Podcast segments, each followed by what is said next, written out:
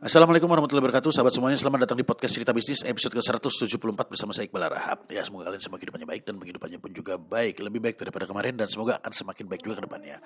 Ya teman-teman seperti biasa di podcast ini kita akan membahas tentang banyak hal ya Terutama mengenai bisnis, manajerial dan keuangan Yang akan saya angkat dan saya bahas dari sudut pandang saya sendiri, pengalaman saya sendiri Dan cerita saya sendiri sebagai seorang praktisi bisnis dan pelaku investasi sejak tahun 2006 Harapannya apa? Supaya kalian semua teman-teman yang mendengarkan podcast ini Yang mungkin ada keinginan untuk jadi seorang pengusaha Atau juga bagi teman-teman yang sudah menjadi seorang pengusaha dan juga untuk teman-teman yang lainnya yang memiliki profesi yang berbeda. Nah, barangkali aja setelah mendengarkan podcast ini teman-teman semuanya bisa mendapatkan insight yang baru, insight yang bermanfaat dan insight yang berbeda. Jadi, kalau misalnya teman-teman ada yang dirasa perlu ditanyakan, didiskusikan langsung aja kontak nomor WhatsApp yang saya cantumkan di deskripsi di podcast ini, gitu ya. Dan sekarang kita langsung masuk ke sesi cerbis kali ini, teman-teman. Dan uh, di dalam episode ini ya saya akan mengajak teman-teman uh, untuk membahas tentang beberapa tips dan panduan yang bisa membantu Anda yang masih awam dan baru memulai ya di dalam uh, atau berkecimpung di dalam dunia investasi. Jadi teman-teman, investasi itu adalah salah satu cara yang potensial untuk mengembangkan kekayaan kita. Tapi tentu kita perlu sadar bahwa investasi ini juga melibatkan beberapa risiko ya.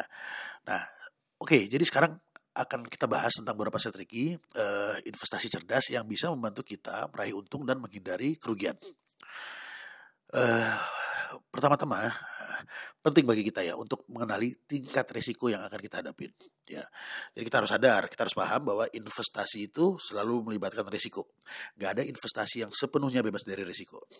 Tapi dengan memahami risiko yang akan kita hadapi dan mempertimbangkan uh, risiko-risiko tadi, ya kita akan bisa memilih investasi yang sesuai uh, dengan tujuan keuangan kita ke depannya. Itu yang pertama. Kedua, kita perlu mendiversifikasikan investasi kita diversifikasi ini adalah maksudnya uh, memecah-mecah ya investasi kita ya. Jadi nggak kita taruh dalam satu keranjang.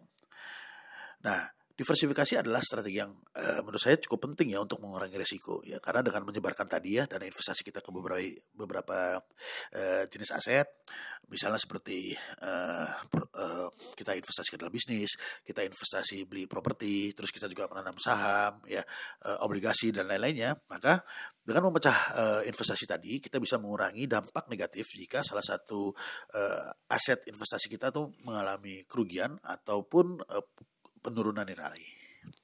Itu yang kedua. Nah, terus juga selanjutnya kita perlu belajar dan terus belajar.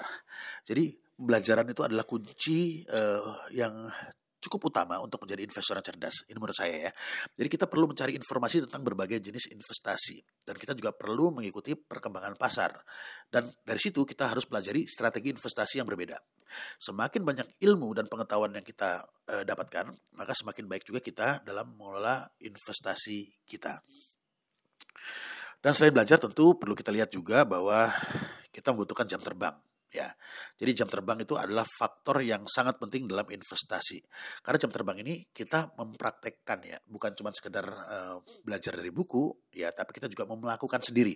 Jadi kita mempraktekkan ilmu yang kita dapatkan dari lapangan.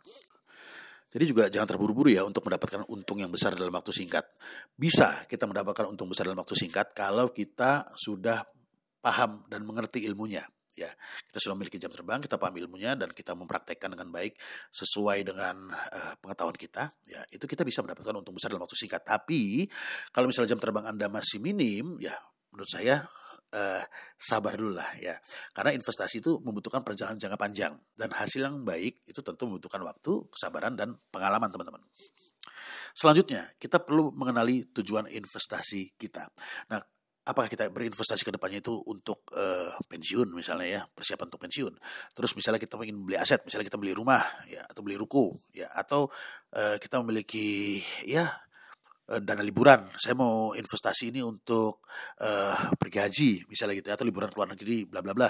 Ya uh, tentu kita harus memiliki tujuan uh, untuk apa investasi ini kita lakukan. Karena menetapkan tujuan yang jelas tentu akan bisa membantu kita dalam membuat uh, sebuah keputusan investasi yang lebih bijak ya.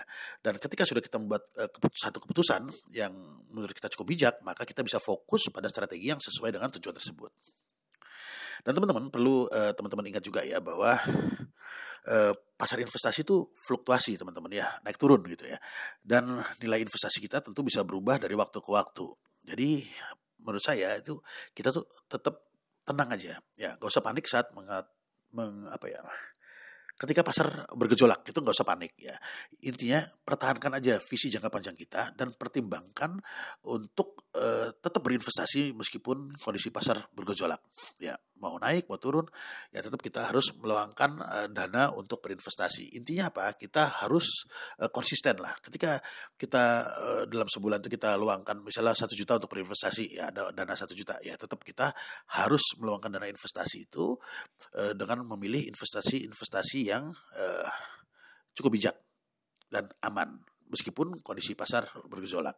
Dan uh, menurut uh, perjalanan saya ya selama perjalanan saya uh, dalam berbagai masa ya baik itu susah maupun mudah peluang investasi itu tetap selalu ada teman-teman ya peluang-peluang untuk berinvestasi itu selalu ada dan banyak di sekitar kita. Cuman masalahnya adalah kita aja yang nggak melek, ya kita aja yang nggak awas, kita aja yang nggak tahu bahwa peluang investasi itu ada. Karena kita hanya fokus di satu pengetahuan saja, sedangkan banyak pengetahuan yang bisa kita serap dalam kehidupan kita.